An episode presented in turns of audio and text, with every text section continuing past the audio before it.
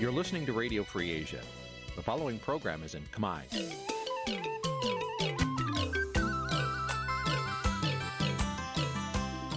នេះជាកម្មវិធីផ្សាយ Vuthu Azizi Serai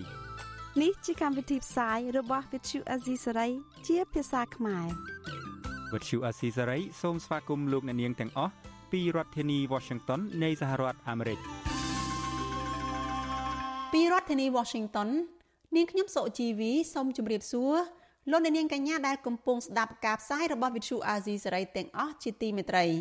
យើងខ្ញុំសូមជូនកម្មវិធីផ្សាយសម្រាប់ព្រឹកថ្ងៃច័ន្ទ13រោចខែទុតិយាសាទឆ្នាំថោះបัญចស័កពុរសករាជ2567ត្រូវនៅថ្ងៃទី14ខែសីហាគ្រិស្តសករាជ2023ជាដំបូងនេះសូមអញ្ជើញលោកអ្នកនាងស្ដាប់ព័ត៌មានប្រចាំថ្ងៃដែលមានមេត្តាដូចតទៅ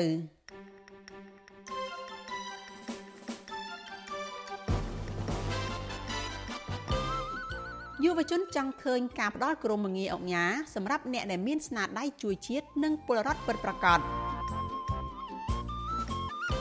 ខ្មែររស់នៅប្រទេសកាណាដាធ្វើបាតុកម្មប្រឆាំងការឡើងកាន់អំណាចតពីឪពុករបស់លោកហ៊ុនម៉ាណែតគ្រួសារសកម្មជននយោបាយថៃលោកវ៉ាន់ឆលើមដែលបាត់ខ្លួននៅកម្ពុជា កាលពី3ឆ្នាំមុនបន្តទាមទាររោគយុត្តិធម៌ កម្មករមួយចំនួនកាត់បន្ថយម្ហូបអាហារហូបចុកក្រោយពេលទំនិញឡើងថ្លៃឥតឈប់ឈររួមនឹងព័ត៌មានសំខាន់សំខាន់មួយចំនួនទៀតចាជាបន្តទៅទៀតនេះនាងខ្ញុំសុជីវីសូមជូនព័ត៌មានទីនេះពិស្ដាលោកអ្នកនាងជាទីមេត្រីយុវជនចង់ឃើញបុគ្គលដែលអាចទទួលបានក្រមងារអង្គញាគួរតែជាអ្នកដែលមានសិលធម៌ល្អនិងចូលរួមអភិវឌ្ឍជាតិពិតប្រាកដ ហើយទទួលបានការគ្រប់គ្រងពីពលរដ្ឋការលើកឡើងនេះស្របពេលដែលងារជាអង្គញាហាក់ត្រូវបានរដ្ឋាភិបាលលោកហ៊ុនសែនបន្តដាក់លក់ដោយទំនិញនៅក្នុងផ្សាររហូតអ្នកខ្លះដែលមានលុយអាចទិញយកមកប្រើ ធ្វើជាឧបករណ៍ការពារខ្លួន ចេញរកស៊ីចំនួនខុសច្បាប់ និងធ្វើបាបពលរដ្ឋជាដើមចលនាតារារាជសែនរាយការណ៍ព័ត៌មាននេះ យុវជនបន្តរិះគន់អ្នកទទួលបានក្រមងារអង្គញាឬអ្នកអង្គញាមួយចំនួនថាមិនសមនឹងទទួលបានក្រមងារនោះឡើយព្រោះពួកគេប្រើប្រាស់ងារនោះគ្រាន់តែរកផលប្រយោជន៍ផ្ទាល់ខ្លួននិងជួយទៅក្រុមអ្នកកាន់អំណាចហើយមិនសូវបានជួយជាតិនិងពលរដ្ឋឡើយប្រធានសមាគមនិស្សិតបញ្ញវន្តខ្មែរលោកកើតសរាយប្រាប់វិទ្យុអាស៊ីសេរីកាលពីថ្ងៃទី12សីហាថាងារអង្គញាតតែជននោះចូលរួមសកម្មបំផុតដើម្បីអភិវឌ្ឍសង្គមជាតិ ប្រកបដោយស្នាដៃមានកិត្តិយសនិងសិលធម៌ខ្ពស់មិនមែនដោយសពថ្ងៃក្រុមអ្នកខ្លះអាចយកលុយទៅទិញងារជាអង្គញាដើម្បីប្រើប្រាស់ជាឧបករណ៍ប្រព្រឹត្តអំពើខុសច្បាប់ជិះជាន់ឬគម្រាមកំហែងពលរដ្ឋស្លូតត្រង់រំលោភយកដីធ្លីកាប់ឈើលក់ឡើយងារជាអង្គញានេះតតែជននោះមានការចូលរួមយ៉ាងសកម្មនៅក្នុងការស្ថាបនាសង្គមនៅក្នុងការចូលរួមអភិវឌ្ឍសង្គម ល្អ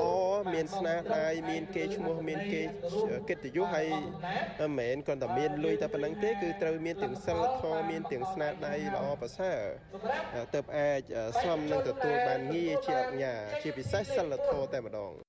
ការលើកឡើងនេះស្របពេលលោកហ៊ុនសែនបន្តផ្ដល់ក្រុមងារអង្គញានិងអ្នកអង្គញាដល់ក្រុមអ្នករកស៊ីទាំងដែលអ្នកទទួលបានក្រុមងារនេះខ្លះមិនដែលលេចមុខមាត់ជួយសង្គមនិងពលរដ្ឋឡើយ ខណៈអ្នកតាមដានបញ្ហាសង្គមយល់ឃើញថាវាគ្រាន់តែជាការព្យាយាមក្តាប់ក្តាប់ក្រុមឈ្មួញរកស៊ីធំធំដែលស្ថិតនៅក្រោមកណ្ដាប់ដៃអ្នកកាន់អំណាចលោកហ៊ុនសែនប៉ុណ្ណោះកាលពីថ្ងៃទី12សីហា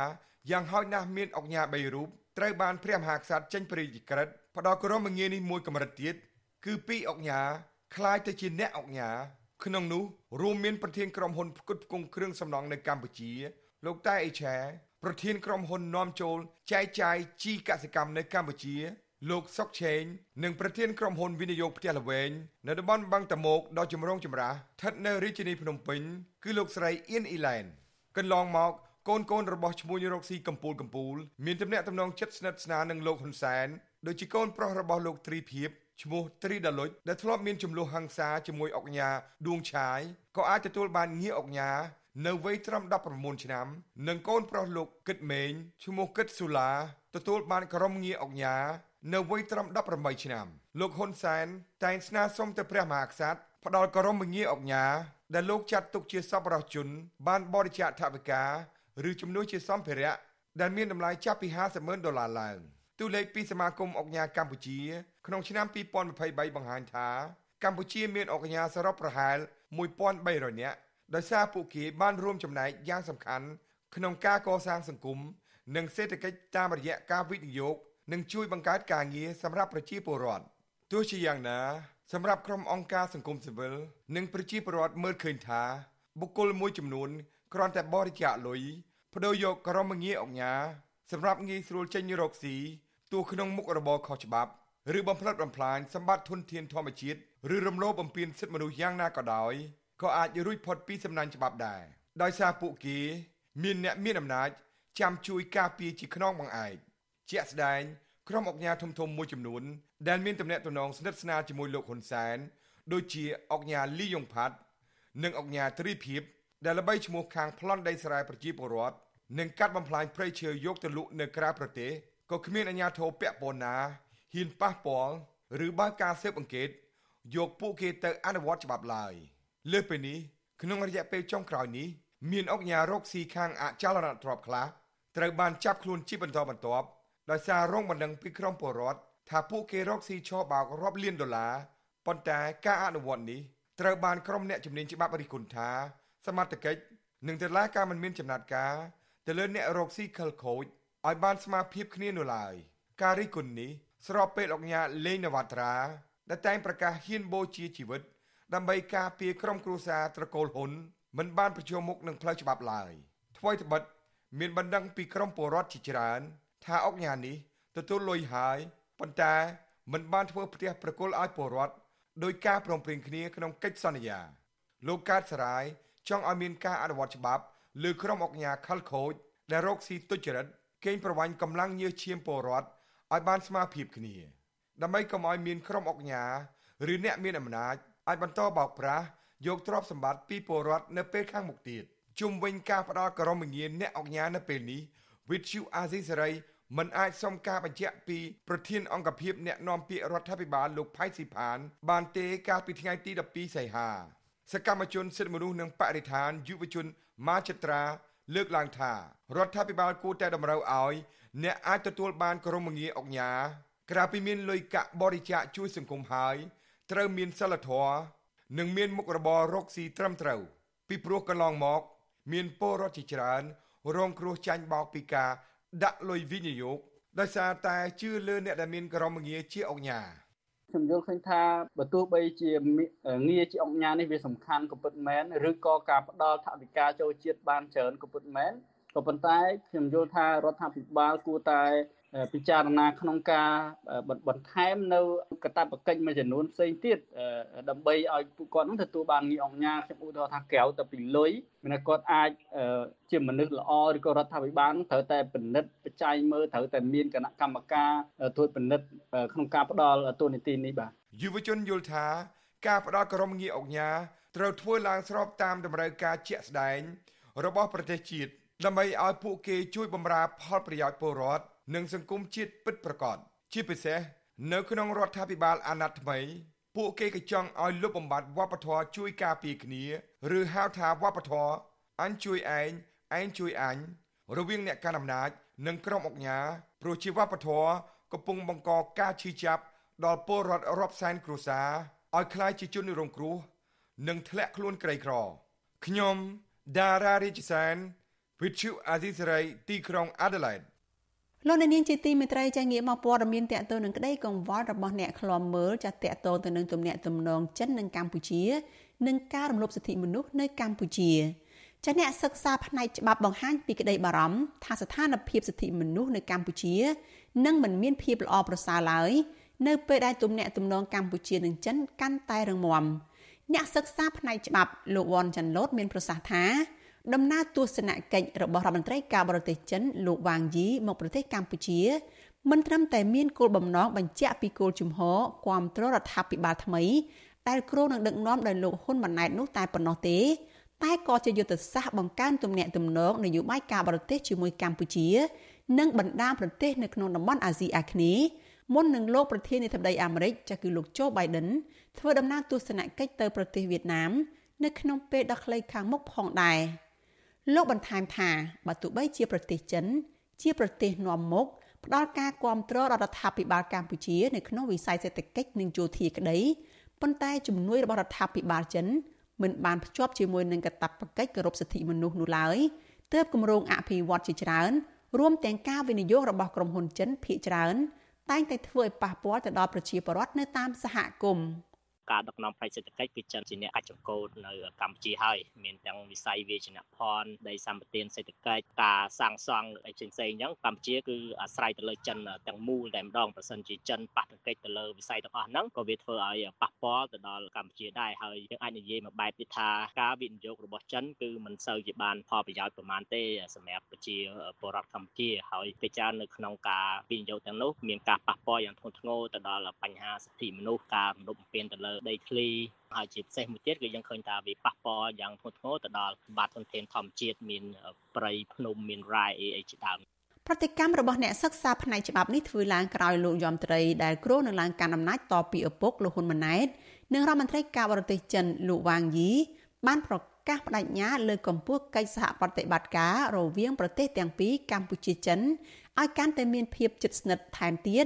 នៅថ្ងៃទី13ខែសីហាម្សិលមិញ។ ក្រៅពីជួបពិភាក្សាជាមួយលោកហ៊ុនម៉ាណែតហើយនោះក្នុងថ្ងៃទី2នៃដំណើរទស្សនកិច្ចរបស់រដ្ឋមន្ត្រីការបរទេសចិនមកកម្ពុជាលោកវ៉ាងយីបានជួបពិភាក្សាជាមួយលោកហ៊ុនសែនរដ្ឋមន្ត្រីការបរទេសលោកប្រាក់សុខុននិងបេក្ខភាពរដ្ឋមន្ត្រីការបរទេសថ្មីលោកសុកចិន្តាសោភាផងដែរតាមរយៈដំណើរទស្សនកិច្ចរដ្ឋមន្ត្រីការបរទេសចិននេះក្រសួងការបរទេសកម្ពុជាលើកឡើងថា កម្ពុជាចិននឹងពង្រឹងបន្ថែមទៀតលើកិច្ចសហប្រតិបត្តិការវិស័យអគិសនីហេដ្ឋារចនាសម្ព័ន្ធកសិកម្មនិងវិស័យពាណិជ្ជកម្មជាដើមបន្ថែមពីនេះភាគីទាំងពីរក៏នឹងផ្ដល់ការគាំពៀទៅគ្នាទៅវិញទៅមកនៅក្នុងក្របខ័ណ្ឌតំបន់និងលើឆាកអន្តរជាតិ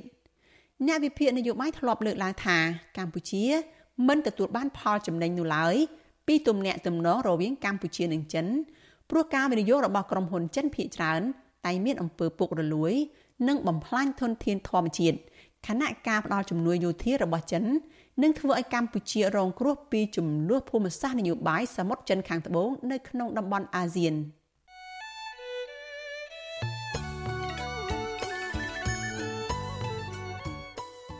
លោកនាងកញ្ញាជាទីមេត្រីចានៅក្នុងឱកាសនេះដែរនាងខ្ញុំសូមថ្លែងអំណរគុណដល់លោកនាងកញ្ញាទាំងអស់ដែលតែងតែមានភក្ដីភាពចំពោះការផ្សាយរបស់យើង ហើយចាត់ទុកការស្ដាប់វិទ្យុអាស៊ីសេរីគឺជាផ្នែកមួយនៃសកម្មភាពប្រចាំថ្ងៃរបស់លោកអ្នកនាងចាការគ្រប់គ្រងរបស់លោកអ្នកនាងនេះហើយដែលធ្វើឲ្យយើងខ្ញុំមានទឹកចិត្តកាន់តែខ្លាំងថែមទៀតក្នុងការស្វែងរកនិងផ្តល់ព័ត៌មានពិតជូនលោកអ្នកនាងចាំមានអ្នកស្ដាប់មានអ្នកទស្សនាកាន់តែច្រើនកាន់តែធ្វើឲ្យយើងខ្ញុំមានភាពស្វាហាប់និងមោះមុតជាបន្តទៅទៀត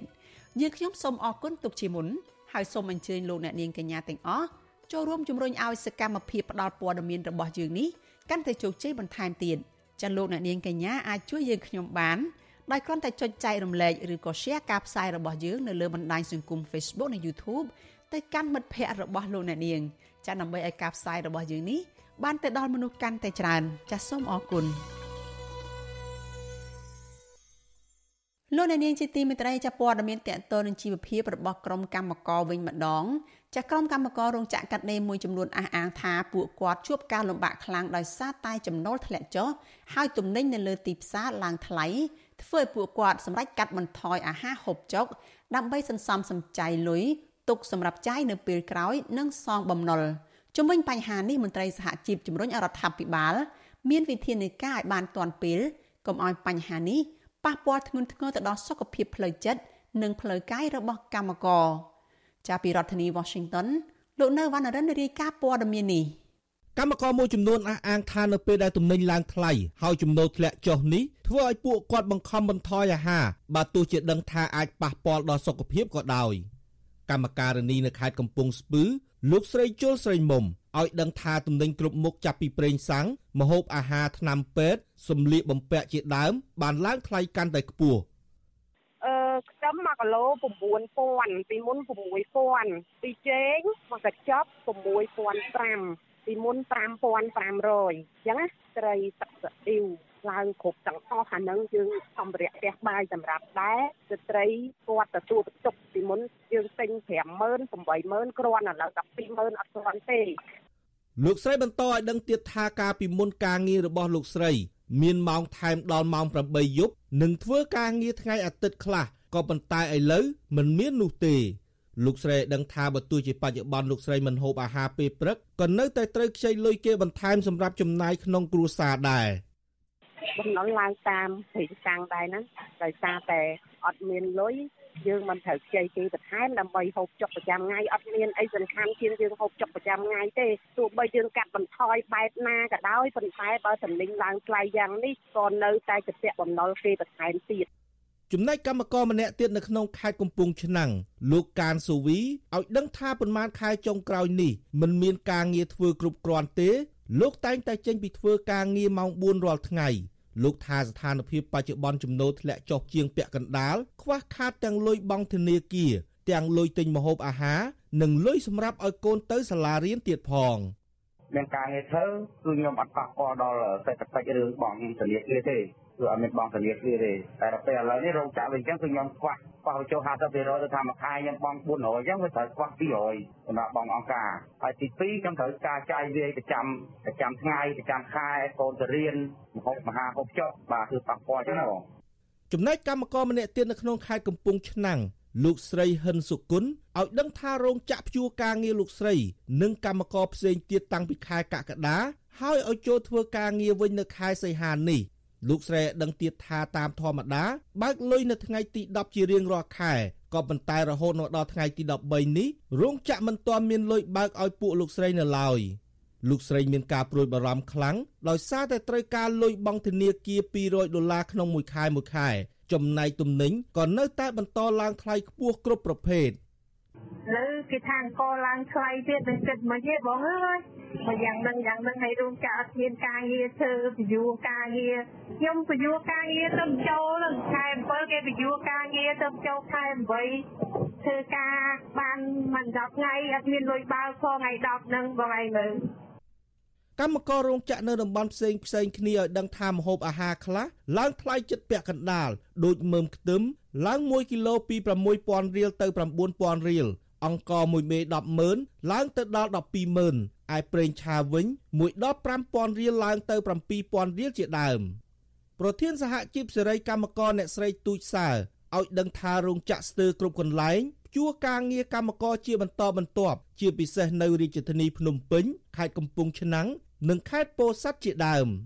អ្នកស្រីបន្តថានៅក្នុងស្ថានភាពមិនមានការងារធ្វើហើយទំនិញឡើងថ្លៃតាមទំនឹងចិត្តបែបនេះធ្វើឲ្យកម្មករមានជីវភាពកាន់តែដុនដាបខ្លាំង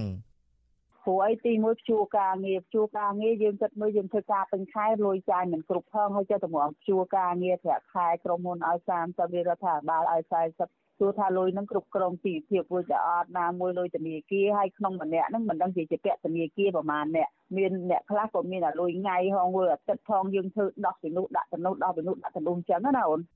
ប្រធានមជ្ឈមណ្ឌលប្រជាពលរដ្ឋដើម្បីអភិវឌ្ឍនិងសន្តិភាពលោកយ៉ងកំឯងមានប្រសាសន៍ថាស្ថានភាពបច្ចុប្បន្នប្រជាពលរដ្ឋទូទៅ មិនថាកម្មករឬអ្នកធ្វើការរកចំណូលផ្សេងផ្សេងនោះទេ គឺកំពុងជួបការលំបាកធ្ងន់ធ្ងរ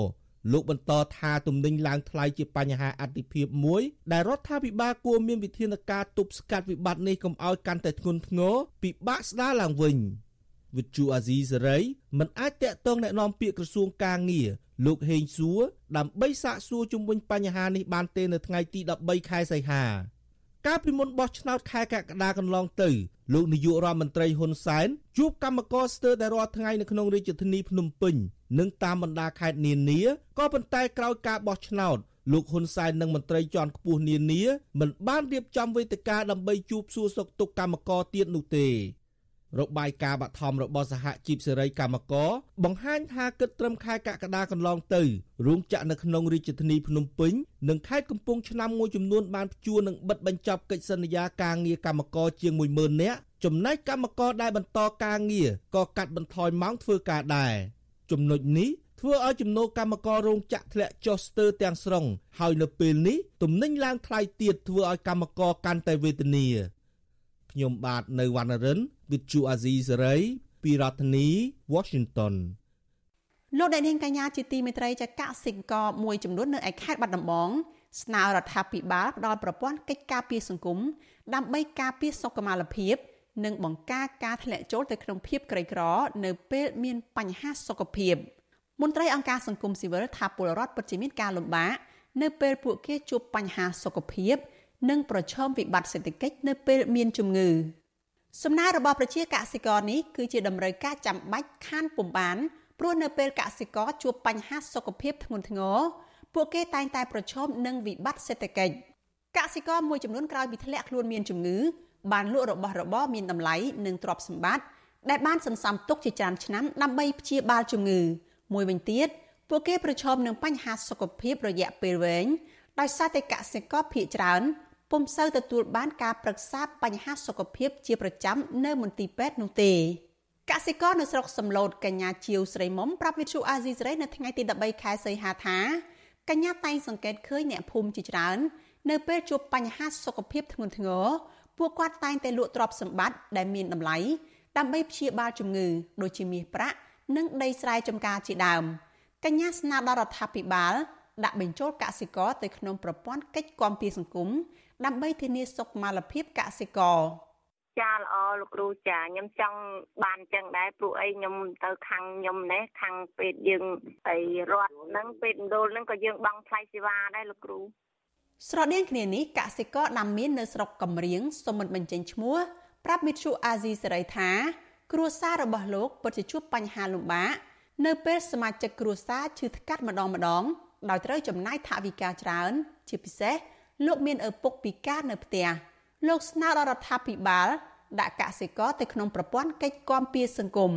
កន្លែងហ្នឹងវាចង់និយាយថាមានបងមានមានគឺក៏យើងដោះដូរដើម្បីយកលុយយកកម្រៃហ្នឹងទៅព្យាបាលជំងឺចឹងជួនកាលគាត់ចាំបាច់អត់មានលុយហ្នឹងដើម្បីព្យាបាលជំងឺពេលហ្នឹងទេគាត់ត្រូវដោះដូរប្រចាំរបស់របរចឹងឬក៏ខ្ចីគេអញ្ចឹង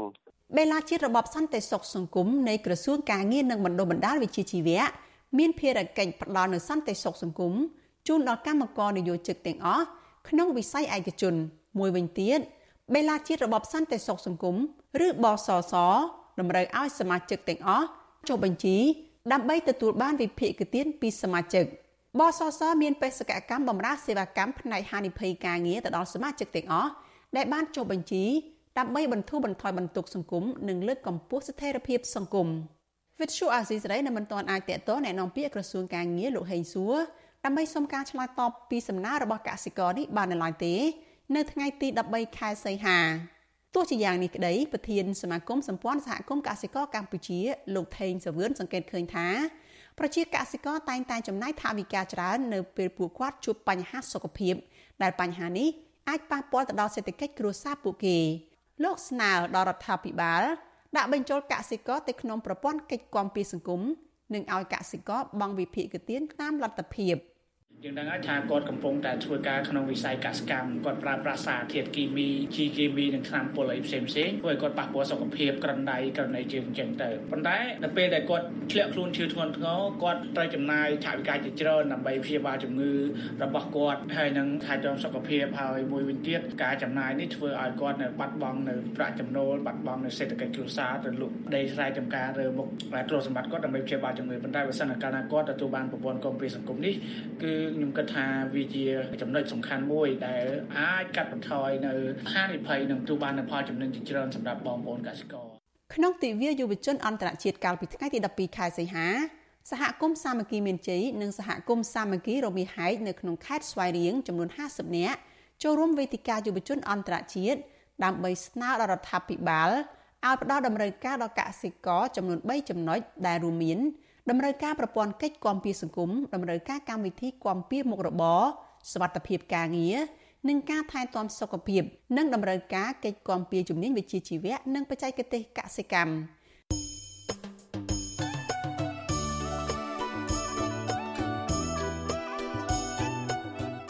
លោកអ្នកនាងជាទីមេត្រីដំណើរគ្នានឹងស្ដាប់ការផ្សាយវិទ្យុអាស៊ីសេរីតាមបណ្ដាញសង្គម Facebook YouTube និង Telegram លោកអ្នកនាងក៏អាចស្ដាប់ការផ្សាយរបស់ Vithu Azizi សេរីតាមរយៈរលកធាតុអាកាសខ្លីឬ Shortwave តាមកម្រិតនិងកម្ពស់ដូចតទៅនេះពេលព្រឹកចាប់ពីម៉ោង5កន្លះដល់ម៉ោង6កន្លះតាមរយៈ post SW 12.14 MHz ស្មើនឹងកម្ពស់ 25m និង post SW 13.71 MHz ស្មើនឹងកម្ពស់ 22m ពេលយប់ចាប់ពីម៉ោង7កន្លះដល់ម៉ោង8កន្លះតាមរយៈ post SW 9.33 MHz ស្មើនឹងកម្ពស់ 32m post SW 11.88 MHz ស្មើនឹងកម្ពស់ 25m និង post SW 12.14 MHz ស្មើនឹងកម្ពស់ 25m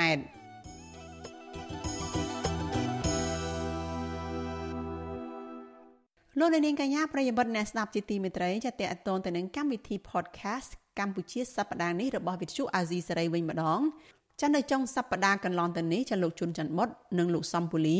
រួមជាមួយនឹងលោកតាក់មេហៀងចាបានជជែកគ្នាអំពីផលវិបាកទៅដល់សង្គមដោយសារតែវប្បធម៌បន្ទោសជនរងគ្រោះចាសសូមអញ្ជើញលោកអ្នកនាងចារងចាំតាមដានការចាក់ផ្សាយឡើងវិញចាកម្មវិធី podcast របស់ Mithu Azizi សេរីចាកម្ពុជាសប្តាហ៍នេះដែលនឹងជជែកពីវប្បធម៌បន្ទោសជនរងគ្រោះនេះចានៅយប់ថ្ងៃច័ន្ទនេះកុំបីខានចាសសូមអរគុណ thank you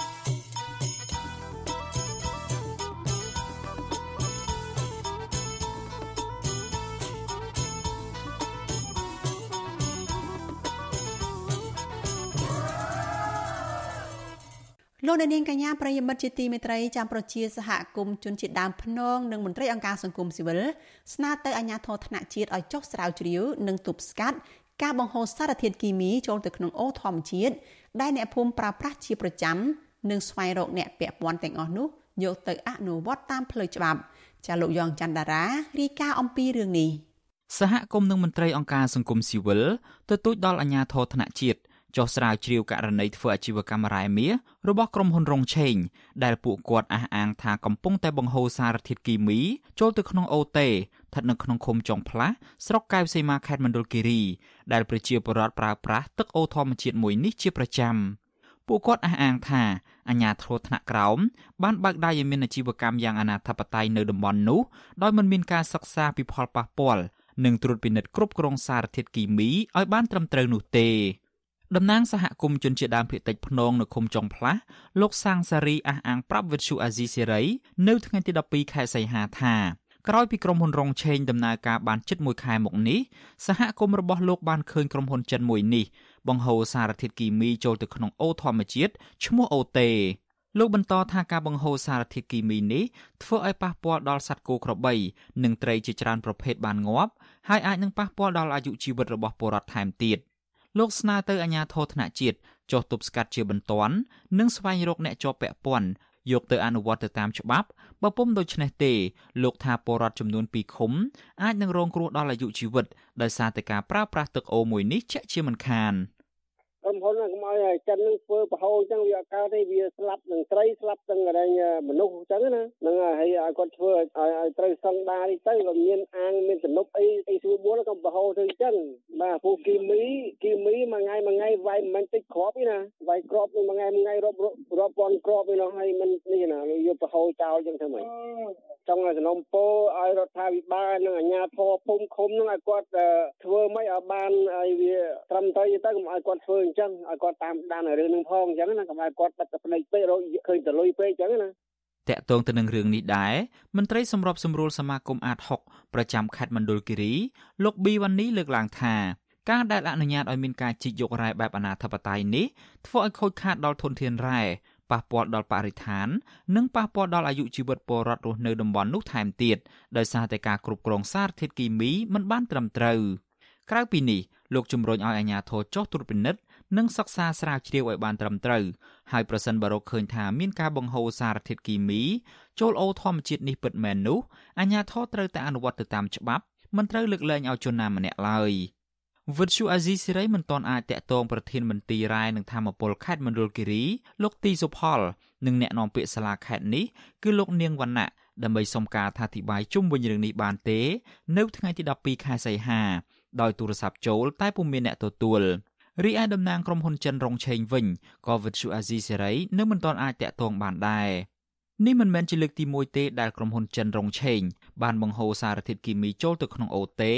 ដែលជាអូធម្មជាតិពលគឺក្រុមហ៊ុននេះបានបង្ហូរសារធាតុគីមីចូលទៅក្នុងអូមួយនេះកាលពីឆ្នាំ2018ម្ដងរួចមកហើយដែលធ្វើឲ្យប្រជាពលរដ្ឋប្រើប្រាស់ទឹកអូធម្មជាតិមួយនេះបានស្លាប់ជាង10នាក់និងជាច្រើនរយនាក់ទៀតរងផលប៉ះពាល់ដល់សុខភាព ក្រុមហ៊ុនចិនរងឆេងបានទទួលអាជ្ញាប័ណ្ណធ្វើអាជីវកម្មរ៉ែមាសពីរដ្ឋាភិបាលលោកហ៊ុនសែនកាលពីឆ្នាំ2013លើផ្ទៃដី2800ហិកតា នៅក្នុងស្រុកកែវសីមាខេត្តមណ្ឌលគិរីខ្ញុំយ៉ងច័ន្ទដារាវិទ្យុអាស៊ីសេរី Washington លោកនាងកញ្ញាជាទីមេត្រីចាស់សេចក្តីរាយការណ៍ពីខេត្តកំពង់ធំឯណោះឲ្យដឹងថាការបង្ហូរជាតិគីមីពុលចូលទៅក្នុងអូធម្មជាតិធ្វើប៉ះពាល់សុខភាពមនុស្សសត្វនេះក៏កើតមាននៅក្នុងខេត្តកំពង់ធំដែរ ចាពលរដ្ឋនៅក្នុងស្រុកសណ្ដានអះអាងថាក្រុមហ៊ុនចិនដែលកំពុងតែធ្វើអាជីវកម្មរ៉ែមាសនៅតំបន់ព្រៃឡង់បានបង្ហូរទឹកកខ្វក់ចូលទៅក្នុងអូជីនិតដែលជាអូធម្មជាតិធ្វើឲ្យប្រជាពលរដ្ឋចំនួន7ភូមិមិនអាចប្រើប្រាស់ទឹកអូនេះបានមន្ត្រីសង្គមស៊ីវិលជំរុញឲ្យអាជ្ញាធរអនុវត្តច្បាប់ដោយដែលអនុវត្តទៅលើក្រុមហ៊ុនចិននៅខេត្តបាត់ដំបងដែលបានធ្វើឲ្យធ្លាយសារធាតុពុលចូលទៅក្នុងទឹកស្ទឹងបណ្ដាលឲ្យត្រីងាប់ចាលោកមានរិទ្ធមានសេចក្តីរាយការណ៍អំពីរឿងនេះ ពជាសហគមន៍ស្ថិតនៅឃុំសុចិត្តស្រុកសណ្ដានអះអាងថាក្រុមហ៊ុនចិនឈ្មោះ Late Chain Mining Development បានបង្ហូរទឹកកខ្វក់ចូលទៅក្នុងទឹកអូជីនិត ដែលជាអូធម្មជាតិមានប្រជាពលរដ្ឋប្រមាណ7ភូមិប្រើប្រាស់ទឹកអូនេះជាប្រចាំពជាសហគមន៍រស់នៅឃុំសុចិត្តលោកថោងកុយប្រាវិសុវស៊ីស្រីនៅថ្ងៃទី13ខែសីហាថា ក្រុមហ៊ុនចិនដែលកំពុងតែធ្វើអាជីវកម្មរ៉ែមាសនៅភូមិស្នងអូនជាប់ជើងភ្នំជីបានបង្ហូរទឹកកខ្វក់ដែលសល់ពីការចម្រាញ់រ៉ែចូលទៅក្នុងទឹកអូធម្មជាតិមួយឈ្មោះអូជីនិតដែលប្រជាពលរដ្ឋប្រើប្រាស់ជាប្រចាំថ្ងៃ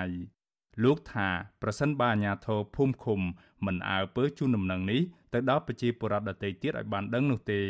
នោះពួកគាត់អាចនឹងយកទឹកក្នុងអូធម្មជាតិនេះទៅប្រើប្រាស់ ដែលអាចបណ្ដាលឲ្យប៉ះពាល់ដល់សុខភាពធ្ងន់ធ្ងរដោយសារតែទឹកកខ្វក់នេះសល់ពីការលាងសម្អាតសារធាតុគីមីនៅពេលចម្រាញ់រ៉ែប៉ះពាល់ខ្លាំងបងចំពោះអ្នកដែលនៅឃុំដែលនៅតាមជួរដងស្ទឹងទាំងអស់ហ្នឹងបងវាមិនមែនតែប៉ះពាល់ទៅនៅក្នុងឃុំសុកចិត្តដែលនៅផ្នែកខាងលើនេះទេគឺវាប៉ះពាល់មកជួរភ្នំចនិតនឹងមកក្រោយព្រោះអីស្ទឹងចនិតវា មិនមែនហូរធ្លាក់មកតែដូចខ្ញុំថាមកឃុំវាធ្លាក់មកដល់មកដល់ខាងសុខសតុកមកដល់អីទៀតអញ្ចឹងវាប៉ះពាល់មកជួរហ្នឹងគឺប៉ះពាល់ខ្លាំងទៅកាន់សុខភាពប្រជាជនមិនថាសត្វសាធារណៈអីមកគឺប៉ះពាល់ទាំងអស់ លោកស្នើទៅអាជ្ញាធរឃុំឲ្យប្រញាប់រាយការណ៍ទៅថ្នាក់លើនិងហាមឃាត់ក្រុមហ៊ុនចិនមួយនេះឲ្យបញ្ឈប់ការបង្ហូរទឹកកខ្វក់ទាំងនោះចូលក្នុងអូធម្មជាតិមួយនេះជាបន្ទាន់បើពុំដូច្នោះទេប្រជាពលរដ្ឋជាច្រើនអ្នកនឹងរងគ្រោះដោយសារការប្រើប្រាស់ទឹកអូមួយនេះតើតើនឹងបញ្ហានេះមេឃុំសុចិត្តលោកប្រាក់មិនសូមមិនអធិប្បាយលើរឿងនេះទេដោយគ្រាន់តែបញ្ជាក់ថាពិតជាមានករណីបង្ហូរទឹកកខ្វក់ចូលក្នុងអូជានិតនេះមែន វិសុវអាស៊ីស្រីមិនអាចតាក់ទងអភិបាលខេត្តកំពង់ធំ លោកងួនរតនានិងប្រធានមន្ត្រីរាយនឹងធម្មពលខេត្តកំពង់ធំ លោកនឹមចន្ទថា បាននៅឡើយទេនៅថ្ងៃទី13ខែសីហាចំណែកឯតំណាងក្រុមហ៊ុនចិនឈ្មោះ Late Chain Mining Development ក៏វិសុវអាស៊ីស្រីមិនអាចតាក់ទងបានដែរជុំវិញរឿងនេះនាយកទទួលបន្ទុកកិច្ចការទូតនៃអង្គការសិទ្ធិមនុស្សលីកាដូ លោកអំសំអាតគាំទ្រឲ្យអាជ្ញាធរនិងស្ថាប័នពាក់ព័ន្ធ មានវិធានការផ្លូវច្បាប់ចំពោះក្រុមហ៊ុននេះដែលគ្រប់គ្រងទឹកកខ្វក់ឬសារធាតុពុលមិនបានត្រឹមត្រូវធ្វើឲ្យបែកធ្លាយឬបង្ហូរចូលទៅក្នុងអូធម្មជាតិមួយនេះដែលធ្វើឲ្យប៉ះពាល់ដល់បរិស្ថានផងលោកជំរុញឲ្យអាជ្ញាធរចុះសិក្សាស្រាវជ្រាវឲ្យបានត្រឹមត្រូវហើយប្រសិនបើរកឃើញពិតមែនត្រូវតែចាត់វិធានការតាមផ្លូវច្បាប់ដោយក្រុមហ៊ុនចិននៅខេត្តបាត់ដំបងដែរ ហើយប្រសិនបើក្រុមហ៊ុននេះមិនបានអនុវត្តត្រឹមត្រូវតាមកិច្ចសន្យាឬក៏ត្រឹមត្រូវទៅតាមគម្រោងនៃការវិនិយោគការអភិវឌ្ឍរបស់ខ្លួនទេនឹងរដ្ឋត្រូវតែចាត់វិធានការទៅលើក្រុមហ៊ុននេះឬក៏ដកហូតអាជ្ញាប័ណ្ណបើសិនជាក្រុមហ៊ុននេះមិនបានគោរពតាមលក្ខខណ្ឌឬក៏អាជ្ញាប័ណ្ណឬក៏ច្បាប់នៃ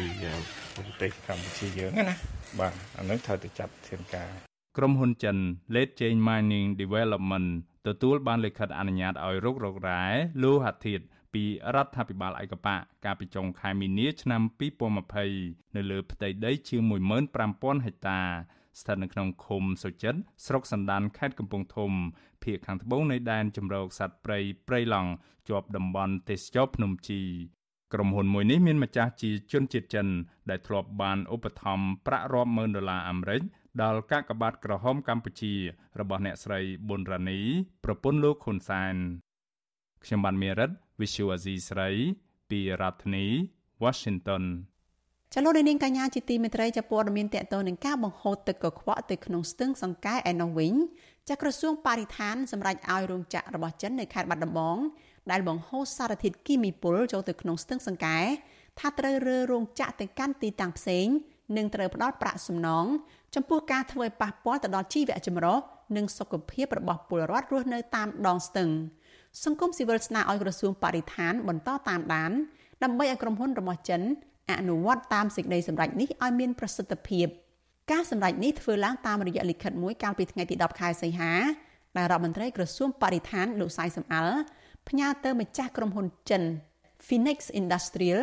ជាក្រុមហ៊ុនបង្កើតរោងចក្រផលិតមេថ្នាំវិជ្ជសាស្ត្រ ស្ថិតនៅឃុំត្រែងស្រុករតនមណ្ឌលខេត្តបាត់ដំបងដែលធ្វើឲ្យលេចធ្លាយសារធាតុគីមីពុលប៉ះពាល់ទៅដល់ទឹកស្ទឹងសង្កែលិខិតបញ្ជាក់ថាក្រសួងបរិស្ថានបញ្ជាឲ្យក្រុមហ៊ុនបដូរទីតាំងរោងចក្រទៅកន្លែងផ្សេងដែលស្ថិតនៅឆ្ងាយពីប្រភពទឹកស្ទឹងសង្កែ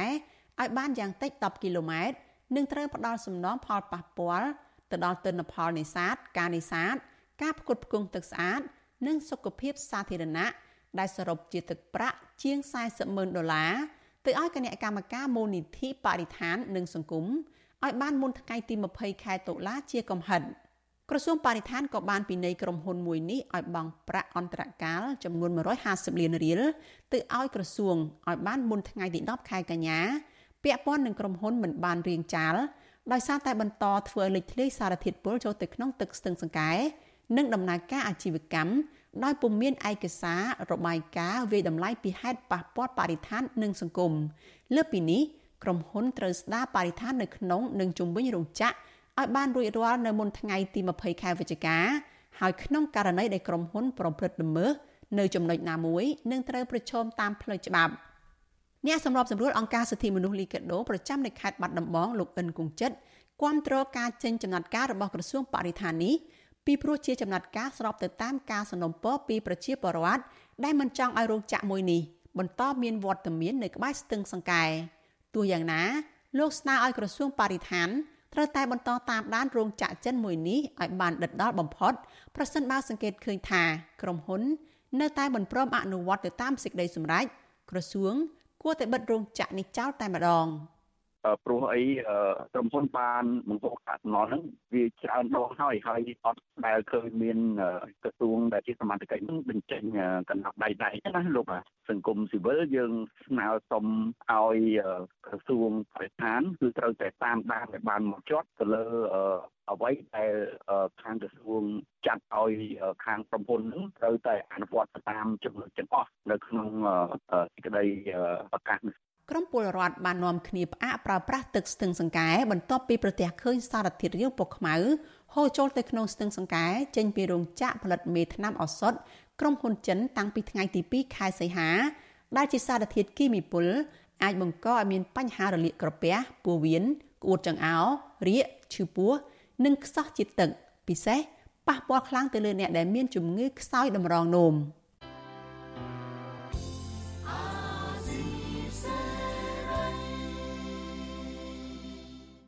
លោកអ្នកនាងប្រិយមិត្តអ្នកស្ដាប់ជាទីមេត្រីលោកអ្នកកំពុងស្ដាប់វិទ្យុអាស៊ីសេរីផ្សាយចេញពីរដ្ឋធានី Washington សហរដ្ឋអាមេរិកចាគ្រួសារសកម្មជននយោបាយថៃលោកវ៉ាន់ឆលើមដែលបាត់ខ្លួននៅកម្ពុជា បន្តទាមទាររយុត្តិធម៌ពួកគេស្នើឲ្យគណៈបកភឿថៃដឹកនាំដោយកូនស្រីរបស់លោកថាក់ស៊ីនស៊ីណាវ៉ាត់ជំរុញទៅលោកហ៊ុនសែនឲ្យឆ្លើយតបករណីចាប់ពង្រត់សកម្មជនអាវក្រហមថៃរូបនេះកាលពីឆ្នាំ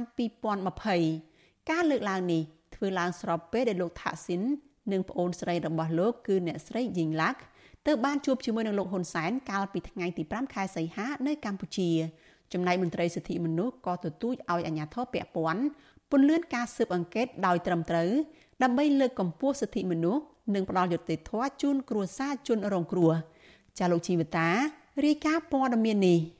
គ្រួសារនិងអង្គការសិទ្ធិមនុស្សបានរៀបចំសិក្ខាសាលាអំពីការស្វែងរកយុត្តិធម៌ នឹងការវិវត្តតាក់ទងនឹងការបាត់សកម្មជននយោបាយថៃម្នាក់គឺលោកវ៉ាន់ឆាលើមខណៈលោកកំពុងស្វែងរកសិទ្ធិជ្រកកោននយោបាយនៅទីក្រុងភ្នំពេញកាលពីប្រមាណ3ឆ្នាំមុនកម្មវិធីនេះរៀបចំនៅមជ្ឈមណ្ឌលសិល្បៈនិងវប្បធម៌នៅទីក្រុងបាងកកកាលពីថ្ងៃទី11ខែសីហាគឺចំថ្ងៃខួបកំណើត41ឆ្នាំរបស់សកម្មជនរូបនោះវាគ្មិនចូលរួមក្នុងកម្មវិធីនោះ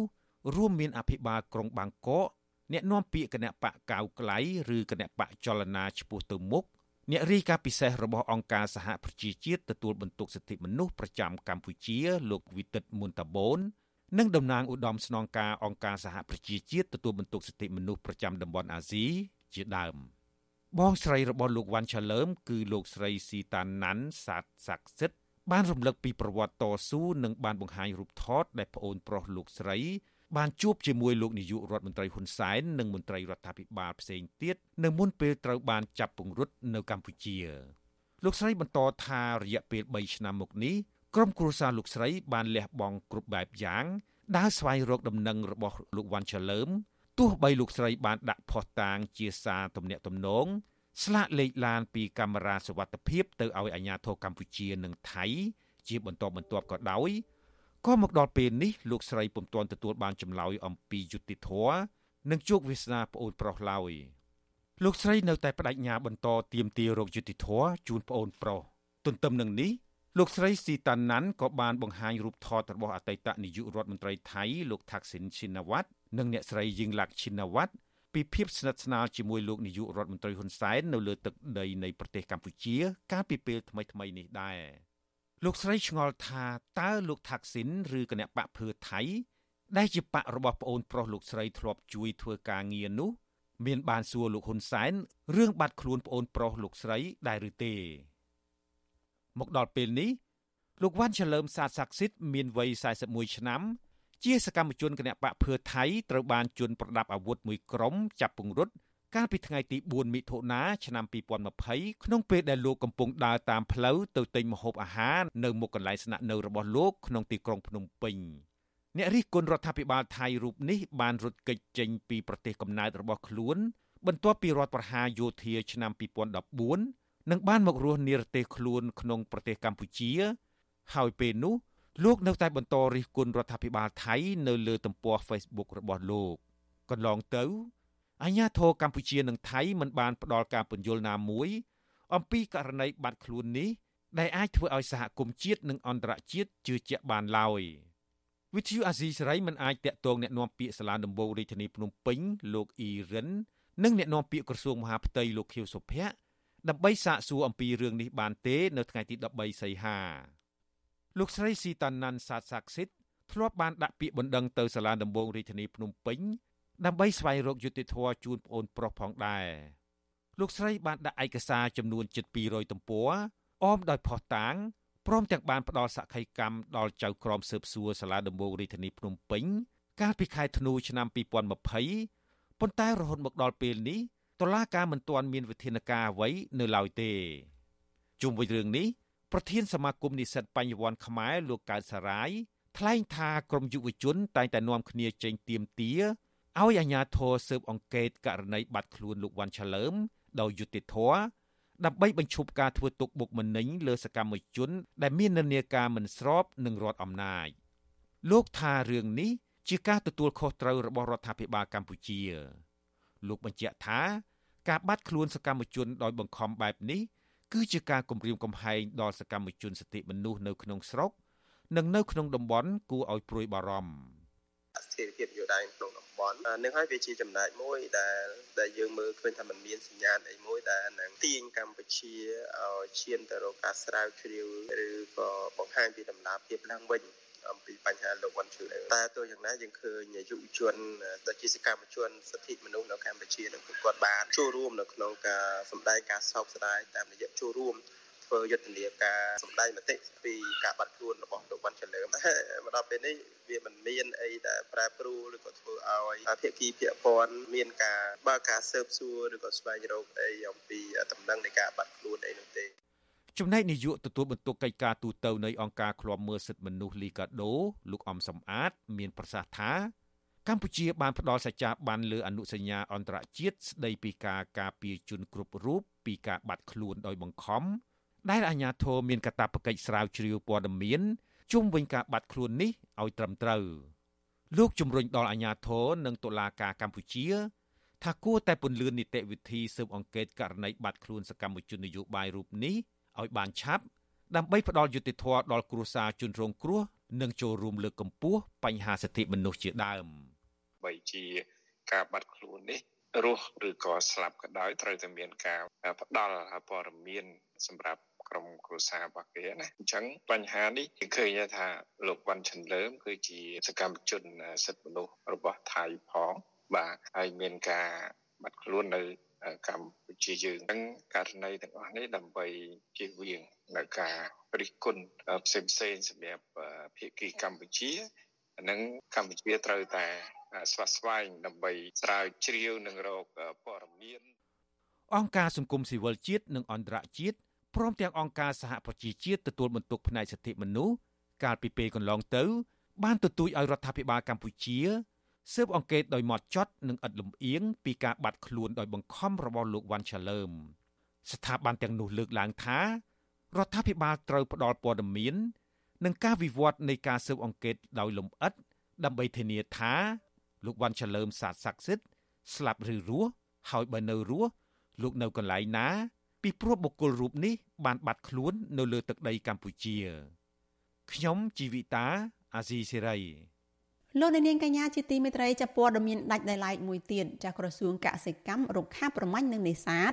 អំពាវនាវដល់ពលរដ្ឋឲ្យរីកាពីករណីនាំចូលប្រភេទត្រីកាចសាហាវចូលមកកម្ពុជាបើទោះបីជាក្នុងមូលហេតុអ្វីក៏ដោយរួមទាំងការចិញ្ចឹមឬចិញ្ចឹមដើម្បីលម្អដើម្បីឲ្យសមត្ថកិច្ចជំនាញបានដឹងនិងចាត់វិធានការ ក្រសួងកសិកម្មរុក្ខាប្រមាញ់និងនេសាទកាលពីល្ងាចថ្ងៃទី13ខែសីហាបញ្ជាក់ថាថ្មីថ្មីនេះមានការផ្សព្វផ្សាយនៅលើបណ្ដាញសង្គមពីការនាំចូលនិងចែកចាយប្រភេទត្រីពីរ៉ាញ៉ាដែលជាប្រភេទត្រីកាចសាហាវនិងស៊ីសាច់ជាអាហារសេចក្តីប្រកាសព័ត៌មានរបស់ក្រសួងនេះឲ្យដឹងថាពិតជាមានករណីនាំចូលត្រីប្រភេទនេះដោយម្ចាស់អាជីវកម្មមួយកន្លែងហើយករណីនេះរដ្ឋបាលជលផល បានចុះទៅត្រួតពិនិត្យនិងអនុវត្តច្បាប់ដល់កន្លែងលក់តាំងពីថ្ងៃទី6ខែសីហាមកជាមួយគ្នានេះម្ចាស់អាជីវកម្មបានធ្វើកិច្ចសន្យាឈប់នាំចូល និងបានឯកភាពបំផ្លាញចោលត្រីពីរញ្ញាដែលបាននាំចូលនោះរួចរាល់ហើយក្រសួងអំពាវនាវដល់សាធារណជនព្រមទាំងអាជីវករមិនត្រូវនាំចូលត្រីប្រភេទពីរញ្ញានេះឬត្រីប្រភេទផ្សេងទៀតដែលអាចនាំឲ្យមានផលប៉ះពាល់ទៅដល់ប្រភេទត្រីធម្មជាតិមនុស្សសត្វនិងបរិស្ថាន ប្រសិនបើមានអ្នកដែលកំពុងចិញ្ចឹមត្រីប្រភេទទាំងនេះសូមកុំលែងចូលទៅក្នុងធម្មជាតិតែត្រូវប្រគល់ឲ្យសមត្ថកិច្ចជំនាញចាត់វិធានការសមស្របចំណែកពលរដ្ឋដែលបានដឹងរឿងនេះត្រូវរាយការណ៍ទៅសមត្ថកិច្ចដើម្បីចាត់វិធានការពីរញ្ញាជាប្រភេទត្រីទឹកសាបស៊ីសាច់ជាអាហារត្រីប្រភេទនេះមានប្រភពនៅអាមេរិកខាងត្បូងប្រសិនបើត្រីនេះកើនចំនួនច្រើន វាអាចធ្វើឲ្យប៉ះពាល់ទៅដល់ជីវៈចម្រុះផ្សេងទៀត ឬធ្វើឲ្យបាត់បង់ពូជសត្វឬមច្ឆជាតិផ្សេងទៀតមនុស្សក៏អាចរងគ្រោះដោយសារតែត្រីប្រភេទនេះដែរប៉ុន្តែមិនធ្វើឲ្យប៉ះពាល់ដល់អាយុជីវិតឡើយគឺត្រីនេះអាចខំដាច់ម្រាមដៃឬម្រាមជើងមនុស្សករណីមានការប៉ះទង្គិចគ្នានៅរដូវត្រីនេះខ្វះចំណី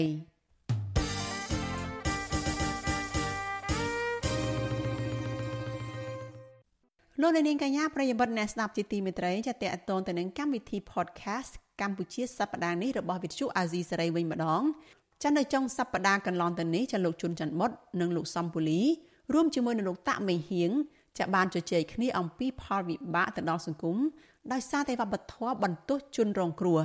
ចាសសូមអញ្ជើញលោកអ្នកនាងចារងចាំតាមដានការចាក់ផ្សាយឡើងវិញចាកម្មវិធី podcast របស់ Vithu Azizi សេរីចាកម្ពុជាសប្តាហ៍នេះដែលនឹងជជែកពីវប្បធម៌បន្ទោសជនរងគ្រោះនេះចានៅយប់ថ្ងៃច័ន្ទនេះកុំបីខានចាសសូមអរគុណ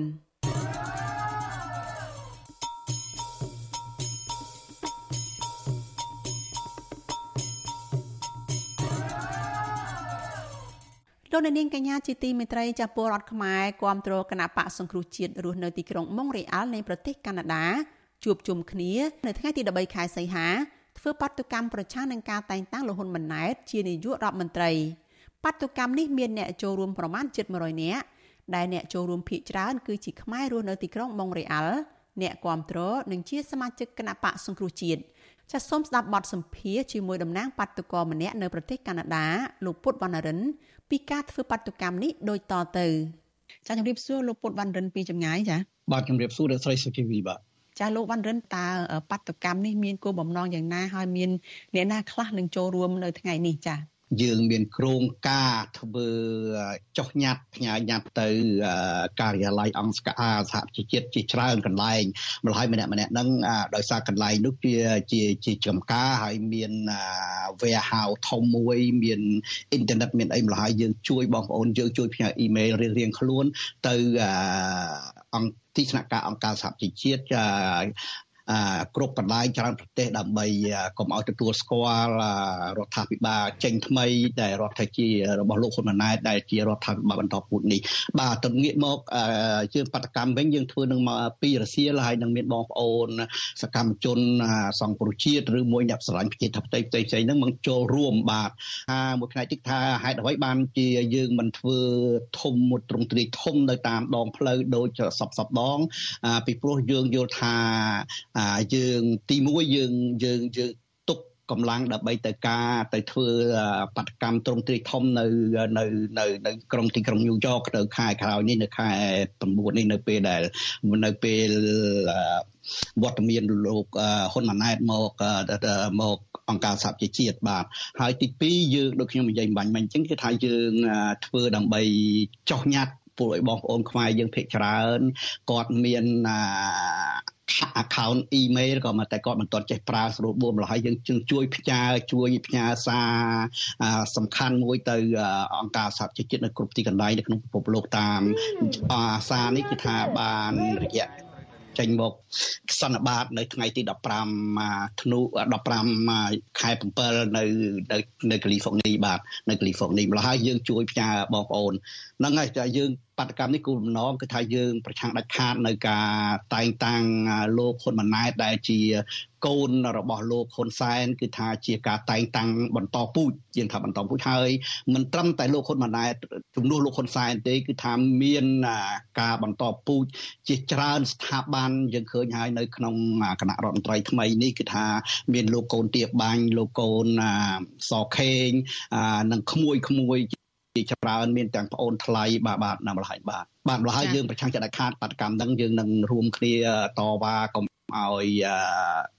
អឺកុំឲ្យទទួលស្គាល់រដ្ឋាភិបាលថ្មីនេះបាទចាតើមានមូលហេតុអ្វី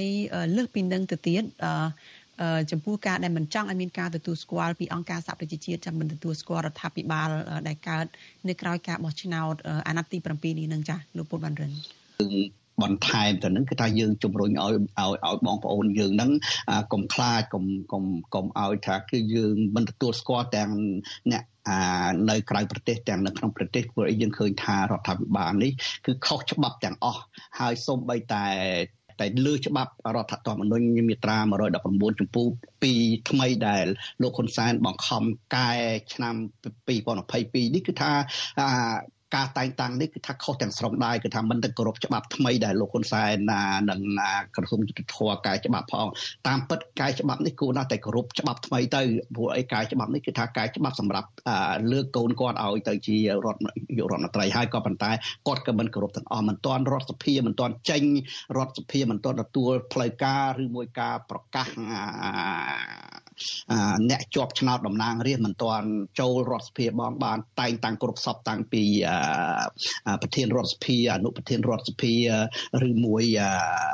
បាទអនុប្រងទីទី1ទី2អីគឺថាតែងតាំងស្រែកតែខ្លួនគាត់គឺថាគ្មានចេញពី រដ្ឋសភាតំណាងរាស្ត្រឡើងគឺថាអ្វីអ្វីតែងតាំងដោយសារលោកហ៊ុនសែនទាំងអស់ហើយតាមពិតលោកហ៊ុនសែនហ្នឹងគឺជាជាជាជាជានាយករដ្ឋមន្ត្រីចាំផ្ទះទៅហើយម្ល៉េះហើយយើងមិនព្រមចិត្តដាច់ខាតហើយយើងមិនទទួលស្គាល់ដាច់ខាតហើយព្រោះយើងមើលទៅឃើញថារដ្ឋាភិបាលថ្មីដែលចេញមកពីកូនលោកហ៊ុនសែននេះនឹងបន្តធ្វើបាបពលរដ្ឋដោយសារគាត់តែ បានស្វាត់ស្បែកគាត់បានទទួលស្គាល់គាត់បានសារភាពថានឹងដើរតាមគន្លងរបស់ពួកគាត់គឺនឹងការពារសន្តិភាពគ្រប់តម្លៃទាំងអស់ម្ល៉េះហើយយើងឃើញថាទៅថ្ងៃមុខគឺថាកម្ពុជានឹងនឹងនឹងអាចជួបប្រទះនឹងហានិភ័យយ៉ាងខ្លាំងទាំងផ្លូវនយោបាយទាំងផ្លូវសេដ្ឋកិច្ចបាទប្រហើយយើងប្រឆាំងដាច់ខាតនឹងការកែតាំងអឺនាយករដ្ឋមន្ត្រីឬមួយគណៈគណៈរដ្ឋមន្ត្រី តាមតពូជនេះបាទសូមអរគុណថាតើចំពោះលោកដែលជាអ្នកតវ៉ាជាអ្នកដែលទៀមទាជាអ្នកដែលមិនពេញចិត្តអ្នកមិនសុខចិត្តហើយចង់បានប្រជាធិបតេយ្យពិតប្រាកដមកកម្ពុជានឹងថាតើមានក្តីរំពឹងអីយ៉ាងម៉េចតើការទៀមទាការដែលប្រឹងប្រែងរបស់លោកនឹងអាចនឹងមានឥទ្ធិពលឬក៏មានជាប្រយោជន៍អីយ៉ាងណាខ្លះចា៎បាទមិនមែនត្រឹមតែ2018នៅមុនឆ្នាំ2018តាំងពីបោះឆ្នោតឃុំសង្កាត់ឆ្នាំ2017ហើយនឹងការរំលាយគណៈបកសង្គ្រោះជាតិ2018មកគឺថា កម្ពុជាធ្លាក់ទៅក្នុងរបបតកាមួយយ៉ាងជ្រៅយ៉ាងជ្រៅហើយយើងតាំងពីនោះមកយើងឃើញថាសកម្មភាពរបស់លោកហ៊ុនសែនទាំងប្រមាណគឺថាធ្វើបាបប្រជាពលរដ្ឋហើយមិនគ្រប់គ្រងប្រជាពលរដ្ឋតំណាងរាស្ត្ររបស់ឯកបៈនេះអត់ដែលបានចេញទៅជួយដោះស្រាយពលរដ្ឋទេមានតែធ្វើបាបពលរដ្ឋបន្ថែមម្ល៉េះហើយយើងនៅតែបន្តការតស៊ូយើងដូចអ្នកស្រីសុជីវីនិយាយត្រូវហើយគឺថាបានមួយអាណត្តិឥឡូវថែមមួយអាណត្តិទៀតក៏ប៉ុន្តែយើងសង្ឃឹមថាកម្ពុជា ពលរដ្ឋនៅប្រទេសក្រៅពីព្រោះអីនៅក្នុងប្រទេសគាត់អត់មានសិទ្ធធ្វើតវ៉ាអត់មានសិទ្ធនិយាយអត់មានសិទ្ធនឹងហ៊ានចូលមើលឬមួយ like ទំព័រគេហទំព័ររបស់គណៈបកប្រជាធិបតេយ្យផ្សេងផ្សេងផងម្ល៉េះហើយគាត់ខ្លាចដល់កម្មតែយើងបងប្អូននៅនៅក្រៅប្រទេសវិញយើងតស៊ូបន្ថែមហើយយើងសង្ឃឹមថាកងការសហប្រជាជាតិនឹងចូលរួមនឹងនឹងនឹងមានការពិគ្រោះនៅឆ្នាំក្រោយនេះដោយសារតែជាជាជាជាជាបញ្ហាមួយដ៏ធំពីព្រោះអីប្រទេសផ្ដាច់ការដោយប្រទេសកម្ពុជាมันមានច្រើនទេនៅកម្ពុជាបងប្អូនហើយព្រោះអីប្រទេសទាំងអស់ជាច្រើននៅក្នុងពិភពលោកបានខ្លាយបានបានរុញច្រានបានបានបានទម្លាក់មេផ្ដាច់ការធំធំឲ្យម្ល៉េះហើយដូចជាលោកហ៊ុនសែននេះរាល់ថ្ងៃសឹងតែខ្លាយទៅជាមេផ្ដាច់ការធំជាងគេនៅក្នុងពិភពលោកនឹងអាចមានការផ្លាស់ប្ដូរខ្ញុំយល់ថាការតស៊ូមានពេលយូរអង្វែងយើងដឹងហើយ យើងមិនអាចពឹងផ្អែកទៅលើប្រទេសប្រជាធិបតេយ្យក្នុងពិភពលោកជួយយើងទេបើយើងមិនជួយខ្លួនឯងក៏ប៉ុន្តែយើងនឹងនឹងបន្តតស៊ូហើយបើប្រទេសកម្ពុជាធ្លាក់ដល់សេដ្ឋកិច្ចធ្លាក់ដល់0ធ្លាក់ដល់ក្រោម0ទៀតប្រជាជននឹងមានការពិបាកនៅពេលនោះប្រជាជននឹងពលរដ្ឋនឹងងើបឡើង នឹងអាចដល់ពេលនោះនៅពេលឆ្នាំក្រោយនេះមិនបានមិនយូរទេបងប្អូនក្នុងរយៈពេលប្រហែលខែក្រោយពីអឺក្រោយពីការបោះឆ្នោតនេះនឹងមានបញ្ហាជានិច្ចពីព្រោះអីយើងឃើញថាអឺសេដ្ឋកិច្ចប្រទេសកម្ពុជាធ្លាក់ដុនដាបខ្លាំងហើយ ពឹងផ្អែកខ្លាំងទៅលើការនាំចេញហើយបើសិនណាការនាំចេញនេះ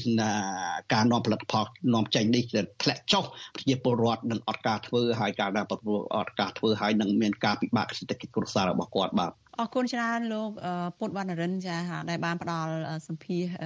ពីការធ្វើបាតកម្មរបស់ពលរដ្ឋអ្នកគ្រប់គ្រងគណៈបកសង្គ្រោះជាតិនៅឯទីក្រុងម៉ុងរ៉េអាល់ប្រទេសកាណាដានេះហើយជម្រាបលាលោកត្រឹមប៉ុណ្ណេះចា លោកអ្នកនាងទៅបានស្ដាប់បទសម្ភាសន៍រវាងនាងខ្ញុំសុជីវីជាមួយនឹងតំណាងបាតកោម្នាក់នៅប្រទេសកាណាដាលោកពុតវណ្ណរិនតាក់ទងនឹងខ្មែររស់នៅប្រទេសកាណាដាធ្វើបាតកម្មប្រឆាំងការឡើងកាន់អំណាចតពីឪពុករបស់លោកហ៊ុនម៉ាណែត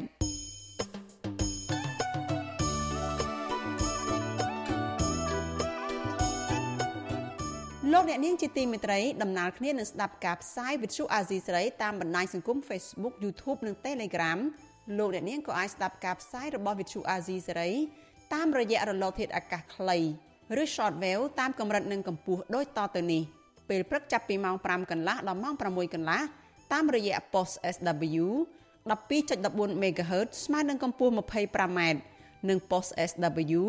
13.71 MHz ស្មើនឹងកម្ពស់ 22m ពេលយប់ចាប់ពីម៉ោង7កន្លះដល់ម៉ោង8កន្លះតាមរយៈ post SW 9.33 MHz ស្មើនឹងកម្ពស់ 32m post SW 11.88 MHz ស្មើនឹងកម្ពស់ 25m និង post SW 12.14 MHz ស្មើនឹងកម្ពស់ 25m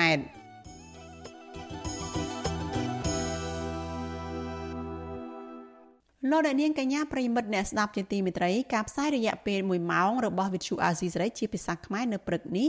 ចប់ត្រឹមតែប៉ុណ្ណេះ នាងខ្ញុំសុជីវីព្រមទាំងក្រុមការងារទាំងអស់នៃវិទ្យុអាស៊ីសេរីចាសសូមជូនពរដល់លោកអ្នកនាងកញ្ញានិងក្រុមគ្រួសារទាំងអស់ចាសសូមប្រកបតែនឹងសេចក្តីសុខនិងសុខភាពល្អកុំបីឃ្លៀងឃ្លាតឡើយចាសនាងខ្ញុំសូមអរគុណនិងសូមជម្រាបលា